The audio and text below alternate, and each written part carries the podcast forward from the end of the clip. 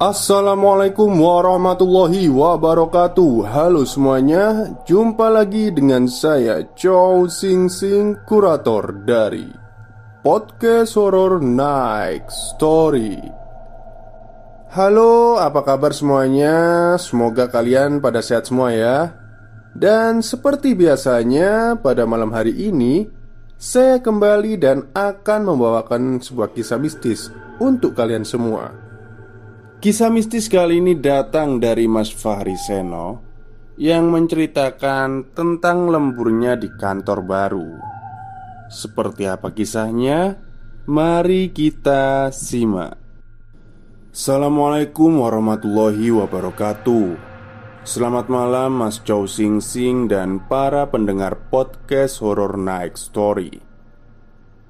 Masih dalam suasana Idul Fitri Saya ucapkan Mohon maaf lahir dan batin.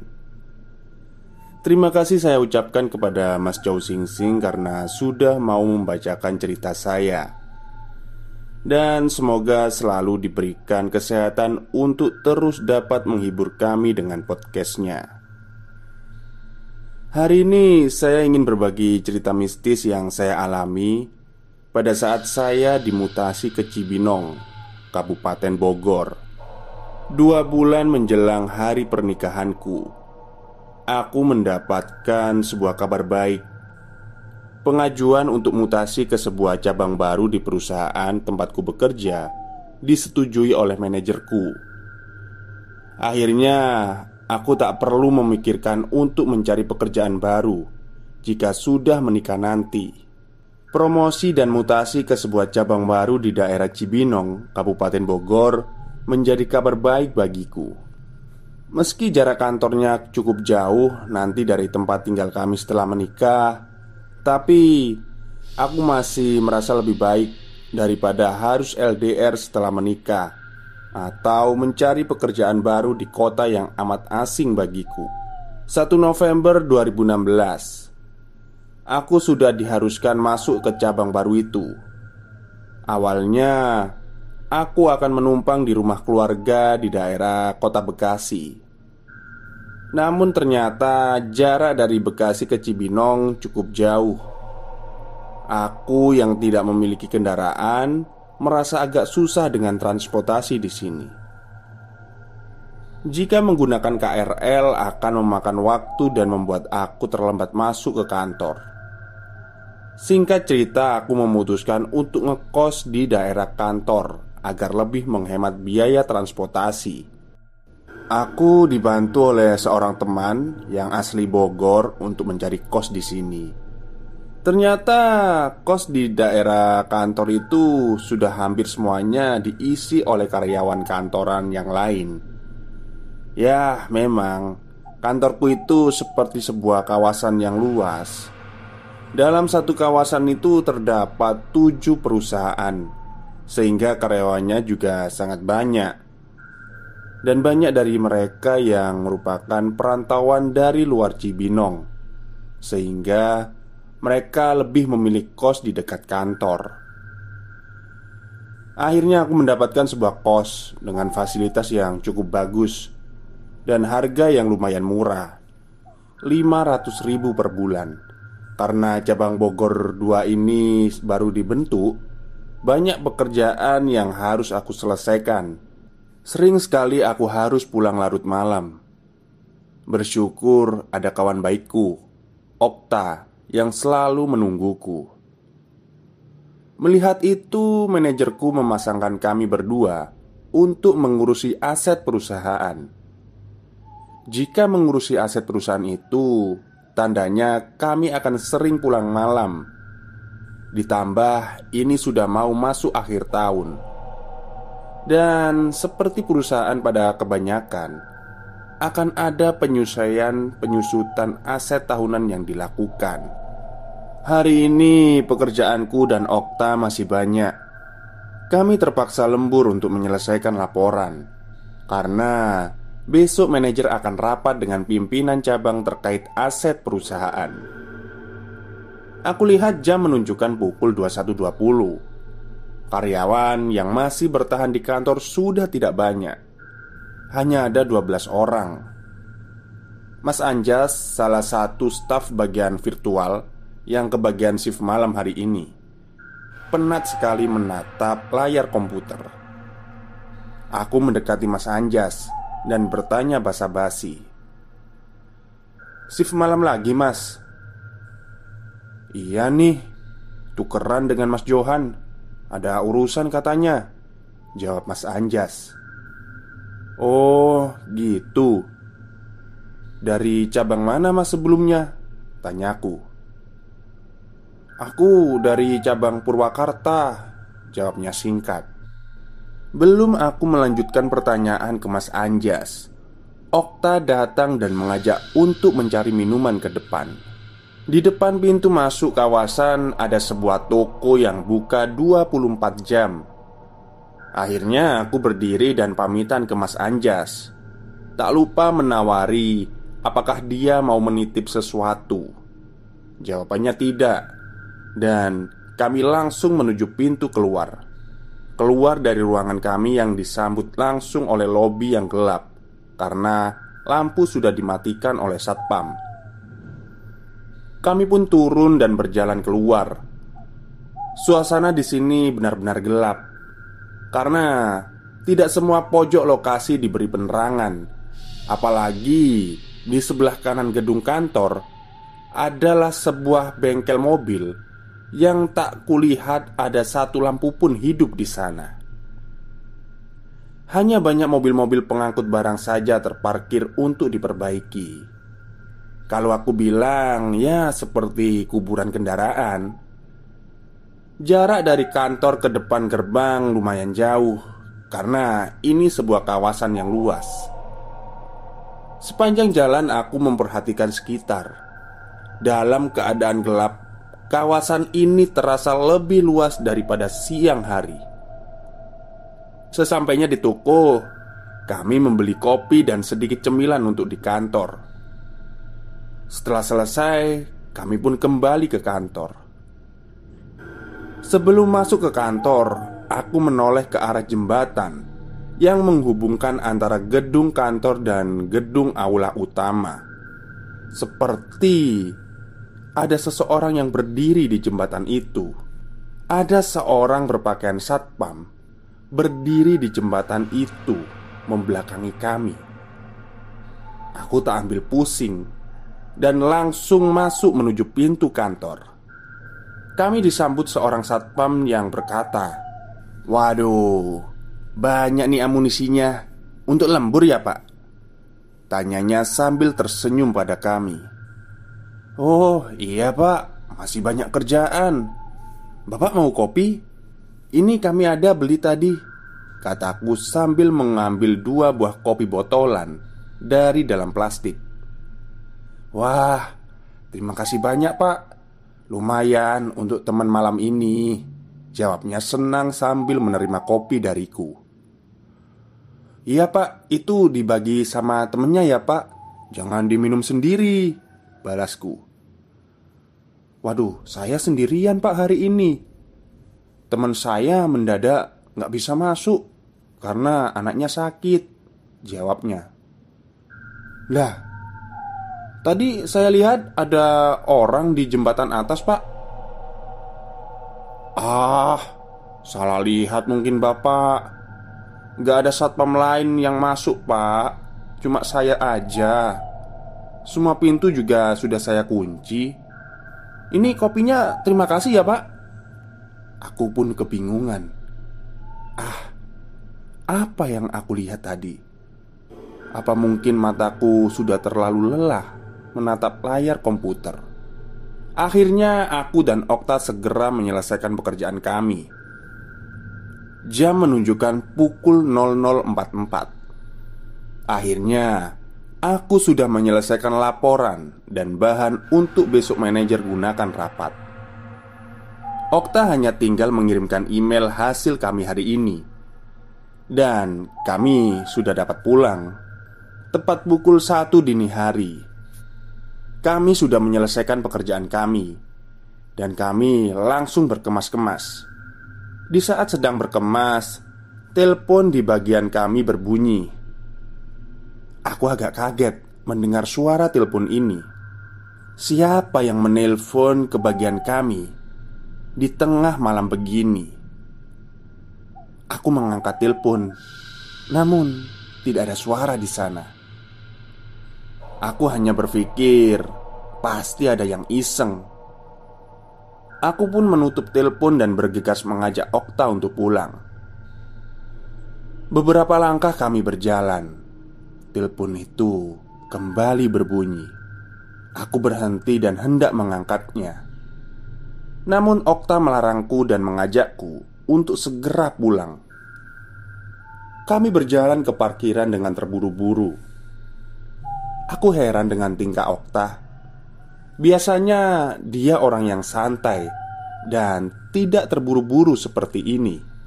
Sepanjang perjalanan pulang, Okta tidak bercerita apa-apa. Dia hanya menjawab kalau dia sudah lelah dan mengantuk. Keesokan harinya, kami mendapatkan kabar bahwa ada beberapa proyek akhir tahun yang harus kami buat. Kali ini, kami lembur dengan lebih ramai tentunya. Dari bagianku, ada Yeni, Mbak Ati, dan Mbak Dewi yang ikut lembur. Manajer kami hanya ikut sampai jam 9 malam dan kemudian pulang setelah memesankan kami dua box pizza untuk menemani kami lembur. Jam 11 malam, aku dan Okta mulai mengantuk. Dan jika sudah begini, kami akan ke toko 24 jam di depan untuk membeli kopi dan makanan ringan. Yang lain hanya menitip dan kami yang pergi ke depan untuk membeli kopi serta makanan ringan. Dalam perjalanan, mataku tertuju pada jembatan tempat aku melihat satpam kemarin. Dan ternyata memang benar. Ada satpam berdiri di sana membelakangi kami. Cuy, cuy, itu orang dari kemarin aku lihat di situ terus. Aku bilang ke Okta, "Hmm, -mm, Jawab Okta pelan. Seperti tidak tertarik dengan apa yang aku lihat. Eh cuy. Beneran dah? Lihat tuh Ada orang. Kataku sambil menarik tangan Okta Untuk melihat ke arah jembatan itu. Udah ayo cepet Biar cepet selesai Cepet pulang kita Jawab Okta sambil tetap berjalan Aku agak kesal dengan reaksinya tapi ya udahlah. Di depan toko 24 jam itu ternyata ada penjual mie ayam. Akhirnya kami memutuskan untuk makan mie ayam dahulu baru kembali ke kantor. Dalam perjalanan kembali, kami bertemu dengan Mbak Dewi dan Mbak Ati yang sudah pulang. Loh, kok udah pulang, Mbak? Tanya Okta agak kaget. Kerjaan kami udah selesai. Kalian ke mana aja sih lama amat? Jawab Mbak Dewi dengan jutek Ya salah kami juga sih makan mie ayam dulu Ya sudah Itu udah aku email ke kalian semua bahannya Nanti kalian ya gabungin semua lalu email ke manajer Aku mau pulang dulu, ngantuk. Oh, oke deh mbak, jawabku. Kalau mbak Dewi sudah selesai Berarti kerjaan kami hanya tinggal menggabungkan semua bahan dari kawan-kawan yang lain saja. Karena dari jam 9 Sebenarnya kami sudah selesai dengan bahan kami. Hanya untuk masalah gabung data Mbak Dewi mempercayakan ke kami berdua. Sehingga kami harus menunggu data dari teman-teman yang lain Sesampainya di ruangan, ternyata Yeni masih ada di sana masih sibuk dengan komputernya. Loh, masih belum selesai, Yen? Tanyaku sambil meletakkan kopi pesanannya. Tapi dia hanya diam saja tidak menjawab. Aku pun tak menggubrisnya dan langsung menuju komputerku untuk menggabungkan seluruh data yang dikirim. Baru saja aku duduk dan membuka email. Yeni berdiri dan berjalan menuju toilet. Mau ditemani nggak Yen? Tanya Okta agak berteriak Tapi Yeni cuma diam saja dan langsung berjalan menuju toilet. Akhirnya, kami melanjutkan pekerjaan kami yang tinggal sedikit lagi. Aku baru sadar, hari ini walau baru jam 11 malam, tapi kantor terasa sangat sunyi. Tidak seperti biasanya. Setelah selesai dan bersiap berkemas untuk pulang, kami ingat dengan Yeni yang belum juga kembali dari toilet. Okta, itu Yeni kok belum balik dari toilet ya? Tanyaku pada Okta Sakit perut mungkin. Kita tungguin aja lah sebentar. Jawab Okta sambil merapikan tasnya. Tiba-tiba Suara telepon berdering. Okta mengangkat telepon itu. Namun Tak ada jawaban dari telepon itu. Kemudian Okta langsung menutup telepon itu Sambil ngedumel. Kami sudah siap pulang Namun Yeni belum juga kembali dari toilet. Akhirnya kami sepakat untuk menyusulnya ke toilet. Sepanjang lorong menuju toilet itu Aku lihat bagian EDP sepi. Sepertinya mereka sedang merokok di bawah. Hanya kami bertiga Karyawan yang tersisa di gedung kantor ini Termasuk Yeni. Sesampainya di toilet Okta berteriak memanggil Yeni Yen, Yen Udah belum? Kita udah pada mau balik nih namun, tidak ada jawaban. Bahkan suara air pun tidak terdengar. Kami mau masuk, tapi masalahnya itu toilet cewek. Takut dikiranya kami ini mesum. Tapi kalau nggak masuk, takutnya Yeni ada apa-apa. Ya, akhirnya kami memutuskan untuk masuk ke dalam toilet untuk memastikan ada tiga kabin yang tertutup satu persatu kami ketok dan cek untuk memastikan ada orang apa tidak di dalamnya. Kabin pertama kami ketok tidak ada jawaban. Kami buka juga tidak ada siapa-siapa di sana, kosong. Kabin kedua kami ketok juga dan lagi-lagi sama, tidak ada jawaban. Pada kabin ketiga, di saat kami ketok, ada balasan ketokan pada pintunya. "Yen, kamu di dalam? Kok lama amat sih?" tanyaku. Tidak ada jawaban dari dalam kabin itu. Okta tiba-tiba membuka kabin itu dan ternyata kosong. Lah, lantas siapa yang membalas ketokan pintu kami tadi? Aku sudah merasakan firasat tak enak. Aku dan Okta langsung keluar menuju lorong Dan tiba-tiba kami terperanjat Kami melihat Yeni sedang menggendong tasnya di ujung lorong membelakangi kami Dia berjalan keluar ruangan Namun bukan belok ke kanan dan turun tangga Tapi belok ke kiri mengarah ke jembatan penghubung antara kantor dan gedung aula karena penasaran, kami bergegas mengejarnya. Ruangan masih sepi, tidak ada karyawan lain selain kami. Sesampainya di depan pintu jembatan, aku hendak membukanya. Namun, pintu itu terkunci, dan ke mana Yeni pergi? Tidak ada ruangan lain dan jalan lain dari sini. Kami saling berpandangan dan yakin kalau kami harus bergegas untuk pulang.